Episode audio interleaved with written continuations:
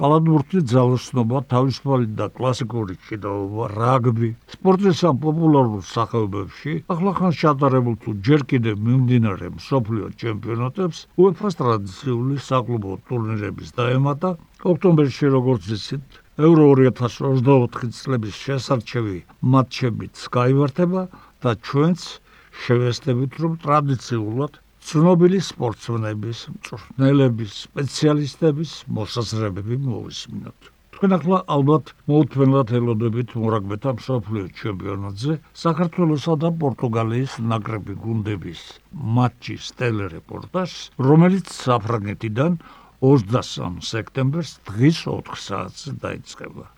საქართველოს დამსახურებული მსმენელი თემურ ბენდიაშვილი. გამარჯობა, მიდესალმოთ რადიო მსმენელებს და ამოდენია სიტყვა სოფლიო ჩემპიონატზე რაც შეიძლება შევიხოს ერთმანეთი გავამხრევთ ჩვენი თამაში სადაც არის და დანარჩენი ახლა მოგვიყვებით რა ხდება ჯერჯერობით სოფლიო ჩემპიონატი ახურებული არ არის. მართალია დაიწყო იყო სერიოზული თამაშებიც.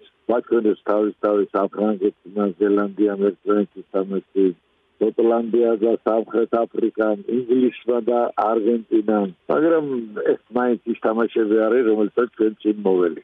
იმიტომ რომ ის გუნდები, რომელიც ახლა ჩამოთვალეთ, ყველა ეს გუნდები ჩემპიონების გემიდიება, შვიდი თამაში აქვს დათამაშო. პირველ და მეორე თამაში ყველა თავის ყველა კარტებს და წელი სეზონზე არ აკრებებს. იყო ისეთი თამაში ურუგვაი იტალია და ძალიან კაი თამაში იყო პირველი ტაიმი შეგოგონა ჩვენ ევროპელებმა მოიგეს კიდევაც და რო გამოვიდნენ მეორე ტაიმში ტემპი რომ მოუმატეს იტალიელებმა გამოჩნდა რომ იტალიაც სერიოზული ძალაა და ისეთი გუნდები როგორიც ახლა ირლანდია რომელიც ასევე სოფლიო ჩემპიონატის მიდის ავსტრალია მასალა წააგო ფიზიკა მაგრამ მაინც ფავორიტად მე ფავორიტად უყურებ ამ ყველას ძალიან რთულია ახლა წინ და წინ რაღაცა პროგნოზის გაკეთება რა. იმიტომ რომ არ გვინახია ეს გუნდები წელი 100%-ით როცა ინდომებენ და როცა მოსაგებად გამოდიან. ამიტომ ყველა სულოცო რომ მომავალი არის შეიძლება უფრო კაი თამაშები წევიწდება ქართულ გუნდზე ჩვენ გუნდზე რო ვთქვა ახლა ჩვენ თამაშობთ ძალიან ძლიერ გუნდთან თამაშობთ ავსტრალიასთან და ჩემი შეხედულებით არ შევწყვეტ ვითამაშეთ ის რაც შეგვეძლო და ну რაც გვინდა გვეთამაშა ის ვითამაშეთ ძლიერი ავსტრალიასთან ნუ მოთხოვთ ახლა ჩვენ ბიჭებს გამარჯვებას და პროვერი ну რაღაც ისეთი ამის არ გაკეთებულა ამდენი ხანი და ახლა გვაქვს თამაში პორტუგალიასთან როგორ ჩანს ახლა პორტუგალია რასაკვირველია პირველ თამაშს წააგებდა და წააგო კიდევ მაგრამ ძალიან სწრაფი გუნდია ძალიან სწრაფი მაგალითად შევაგაროთ ახლა პორტუგალია. ისე სწრაფი გუნდი იყო პორტუგალია კიდე მოუმატებიათ ახლა. მართალია ვისაც ეთამაშე პორტუგალიები ისე თელი ძალის არავის არ თამაშობდა მაგრამ მაინც ამ გუნდმა რაღაც რაღაცები კარგი აჩვენა და მე მგონი რომ ძალიან რთული თამაში გვექნება ჩვენ პორტუგალიასთან, მაგრამ უნდა ვწილიოთ პორტუგალია. აი რა შეიძლება მეორე თამაშს, აქედან რომ მიდიოდი და ჩვენი გაანგარიშება იყო ორი თამაშის მოგება, ძალიან რთული ძალიან რთულია ფიჯისთან მოგება, ძალიან რთულია, იმიტომ რომ ფიჯი მე ხა ავსტრალია დაამარცხა. გასაკვირელი ავსტრალიასთან შეიძლება თამაშის მოგება, მაგრამ ფიჯი წმინდა ბრძოლაში დაამარცხა. უფრო მეტად ენთუზიაზმი ფიჯის უფრო კონა თამაშზე, ვიდრე ავსტრალიელებს და გამოჩნდა კიდევაც ფოტო. ჩვენი თამაში შაბათს არის ახლა ჯერ ბიჭების გაზელოდებით. თავდადებას ხო ველოდები და ველოდები, თან გამარჯვებას ველოდები.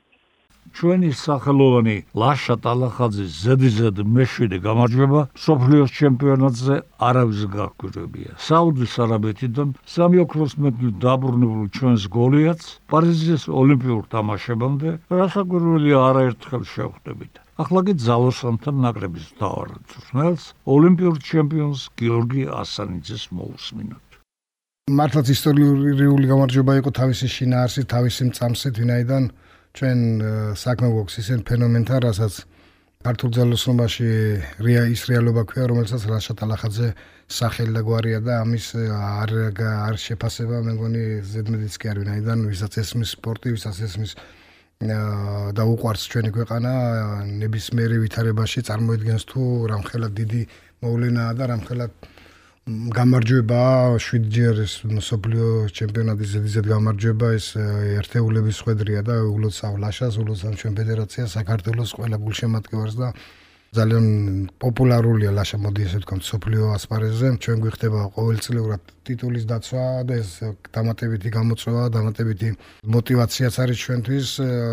ყოველას თავისებური სიხარული აქვს თუმცა იმ ისტორიულ ციფრებთან რასაც 7 ჯერ სოფლიო ჩემპიონობა ქვია თავისი მნიშვნელობა უფრო მაღალი ქონდა ამ ბოლო სოფლიო ჩემპიონატს. ჩვენ სულ შეგვიძლია მოვიპოვოთ სამი ლიცენზია მეტის უფლება არ აქვს ერთ ქვეყანას. ჩვენ სამი ლიცენზი ამდი გვეყოლება აუცილებლად, რა თქმა უნდა, კანდიდატები გაცილებით მეტი შეიძლება იყოს, მაგრამ ფიქრობთ რომ მომგაცემ სამი ლიცენზიას ავიღეთ. არ არის სიოლი გამოწვევა, ამ შემთხვევაში არც ნებისმიერი სხვა სპორტსმენი, რომელიც მოიპოვოს ლიცენზიას, თუმცა ლაშას მიმართებაში ჩვენ საქმე გვაქვს ისტორიულ მომენტებთან ძალოსნობაში პირველად შეიძლება გახდეს სამგზის ოლიმპიური ჩემპიონი მძიმეწონითი კატეგორია, რადგან აა ძალიან დიდი ალბათობა არის ამ შემთხვევაში ჩვენი სპორტსმენისა და აა მოდი ესე ვთქვათ, ნაკლები შეცდომის დაშვება ოლიმპიურ თამაშებამდე უკვე ვინაიდან ის აუცილებელი სტრესული მოდი ვთქვათ ვარჯიშები იყო ეს შეჭსაშეჯიბრო გამოცდილება იყო თუ დაშვებული თუ შეცდომა იმისთვის რომ სრულიად საბრძოლო განწყობაში მივიყვანოთ ჩვენი გუნდი და იქნება უფრო მეტი ფსიქოლოგიური მხარდაჭერა ჩემი სპორტსმენებზე, იმიტომ რომ ფიზიკურად უკვე ვიცი მათი შესაძლებლობები სად გადის. პირველი იქნება დეკემბერში სალიცენზიო ტურნირი, რომელიც აუცილებლად იქნება სპორტსმენების გამოსვლა და ყატარში გამართება. შემდეგ გვაქვს უკვე ევროპის ჩემპიონატი, რომელიც თებერვლის თვეში უნდა გამართულიყო თურქეთში, მაგრამ გარკვეული მიზეზების გამო სოფიაში ჩატარდება ბულგარეთში. უკვე შემდეგ ოლიმპიური თამაშები ამ შუალედში იქნება ერთი სოფლიო თასი ტაილანდში, რომელიც სალიცენზიო აუცილებლად შემთხვევაში სპორტსმენს ეს სტარტიც ჰქონდეს. სავალდებულოა ერთ რომელიმე სოფლიოთაში ეს უნდა იყოს ან ტაილანდის ან ამ შემთხვევაში ყატარის ჩვენმა გუნდმა წელ ძალიან ბევრი მედალი მოიპოვა საქონლო გათეულობით მედალთან. დიდი გამარჯვებები იყო მნიშვნელოვანი გამარჯვებები იყო როგორც კადეტებში ასევე ახალგაზრდებში ასევე დიდებში. თაობათა ცვლა ხდება პერიოდულობით ეს ბუნებრივია. ვერ ვიტყვი რომ ძალიან ჯაბანის სპორტსმენები მოდიან პირიქით მოტივირებული ძალიან მაღალი სტანდარტებით მოდიან ვინაიდან ინფრასტრუქტურულად ბევრად უფრო მეტი მხარდაჭერა აქვს რეგიონებს. 15 წლამდე იქნება 17 წლამდე იქნება თუ 20-23 წლამდე ყველა ასაკობრივში არის კარგი სპორტსმენი რომელიც პერიოდულობით ჩაანაცვლებს. და ეხლა დიდების ნაკრებშიც რამოდენიმე 4 კაცი გადმოვიდა უკვე 23 წლიანებიდან ამიტომ ძალიან ბევრი ბევრი კარგი სპორტსმენია და იმედიანად უყურებთ თავარია რომ დალაგდეს ის მნიშვნელოვანი პრობლემები რასაც მოდი ესე ვთქვათ ჩვენ თავს მოხოულია და იმედია რომ უფრო მეტი კარგ გამარჯვებებზე გავაჩ ქართულ ძალოსნო. ფეგმურთი დაამთავრო დღევანდელი შეხვედრა ჩვენი ბათუმელი მიმოხილველი დია ცანალა. მოგესალმებით ჩვენს რადიო მსმენელებს. დღევანდელი საუბარი დავიწყოთ ეროვნული ლიგის გამოტოვებული მატჩი. ეს გახდათ მატჩი, მას პინსლობდა გორის დილა ბათუმის დინამოს და სხვათა შორის არ იყო ეს ისეთი ადვილი თამაში, რომელიც ბათუმებს აუცილებლად გამარჯვებას მოუტანდა. აქ მიზეზები იყო იმისთვის, რომ გორი ცოტა სხვანაირად დახვედროდა დინამოს, თუნდაც იმის გამო, რომ გორის დილას მსმელი ბათუმის დინამოში გადმოვიდა იცით და გარკვეულ წრეებში შემატკივრებში და მე ვფიქრობ არც ისე უსამართლოდ გულიწრომა გამოიწვია ამ ფაქტმა, მაგრამ ნუ ეს ფეხბურთია და ასეთ რამეები ხდება, მსნელები ერთგუნწოვებენ მეორეში გადადიან და გორი აღმავლობაზე იყო ამ წვენის ხელში და კარგად თამაშობდა. გორელებს ჰქონდათ გულის ტენის მიზეზი და სწორედ ამიტომ ველოდი ამ თამაშს უფრო დაძაბულს ხისად შეიძლება ზედმეტად უხეშობას ყოფილიყო, მაგრამ თქვენ წარმოიდგინეთ თამაშმა ძალიან ისე კორექტულად ჩაიარა და იყო იქ რაღაც შეძახილები, მაგრამ მთლიანობაში ფეხბურთი როგორც სპორტი და როგორც ურთიერთობების აი საშუალება ამასთან ერთად გამოჩნდა რომ არც ისეა საქმე დაძაბული როგორც ფოქს ეგონა და როგორც შეიძლება უნდა და კიდეც. ამიტომ ყველაფერი ისე დამთავრდა როგორც ბათუმის დინამოს უნდა და იმიტომ რომ დინამომ გაიმარჯვა 3-1-ით, სადებიუტო გოლი ციტაიშვილმა გაიტანა და სტრაფი გოლის მეშვეობით ძალიან დიდად გადაწყვიტა ამ თამაშის ბედი, იმიტომ რომ მე მეორეც გავიდა მესამეც გავიდა და ნუ მე პათუს კაცი გაუგდო საჯვა იგაუტანა ერთი ბურთი მოახერხა გორის დილამ გატანაც.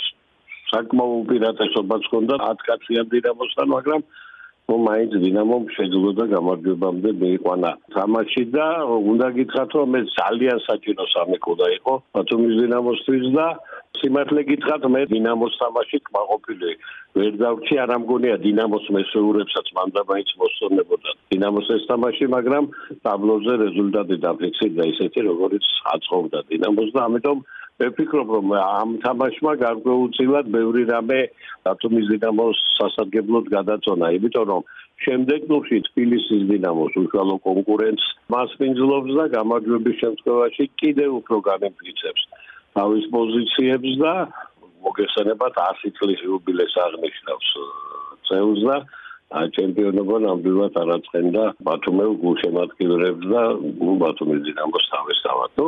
აძაბული ჩემპიონატი გველის კიდევ ერთხელ ვიმეორებ, ჯერ დარჩენილი 10 თუ 11 თამაში და არავინ იცის რა მოხდება. ყოფილა ისეთი, როცა დინამომ 12 ქულა ჰანდიკაპი გაანიავა და ჩემპიონობა დაკარგა. ამიტომ არ მინდა დავასრო მოვლენებს და ნუ რა თქმა უნდა ბრძოლა იქნება დაძაბული, მაგრამ მე ვფიქრობ ბათუმის დინამოს წელს ნამდვილად შეუძლია რომ ჩემპიონი ახსენს და ამისთვის ყველაფერს იღონებს და ჩვენ ამის დიდი სურვილი გვაქვს. წარმატება ვუსურვოთ ქართულ ფეხბურთს ზოგადად რა თქმა უნდა და ეროვნულ ჩემპიონატს უფრო დიდი და ლამაზი თამაშები დონის ამაღლება ვისურვოთ. იმიტომ რომ ეს აუცილებელია ჩვენს ნაკრებს დააგება. ორი სიტყვა მინდა გითხრათ განახსნა ჯგუფური ეტაპი დაიწყო უფრო სწორად ჩემპიონთა ლიგის და ნუ ჩვენი ყურადღება რა თქმა უნდა გადატანილი იყო და ყველაზე უფრო გვაინტერესებდა როგორი თამაშებდა ნაპოლი. ბრაგა საკმაოდ ძლიერი გუნდია, თამაშიც გამოდგა დაძაბული ავტოგოლის წყალობით მოიგო ნაპოლი. მინდა შევეხო სნელის პრობლემას. ეს შეიძლება მე იმდენად ჩახედული ვერ ვიყო სამწლო მუშაობებში, მაგრამ მე ვფიქრობ, რომ ამ სნელ სერიოზული შეცდომები აქვს. შეცდომები სხვა ვერ დავარქმევთ, იმიტომ რომ მანდამაიც ისეთ კაც მოგიდებს ხელს და შეცვლის, რომელიცგანაც ყველაფერია მოსალოდნელი და ბოლო წუთამდე არავინ იცის რას გააკეთებს და რას მოიმოქმედებს. ამ ნაპოლის შემადგენლობაში ხვიცა უალტერნატივა და მასზე кай ფეხბურთელი ნაპოლის ნამდვილად არ ყავს ეს შემიძლია ხმამაღლა თქვა ნუ ჩამომართვებს მიგერძოებაში დიდი მადლობა კარგად მზადდება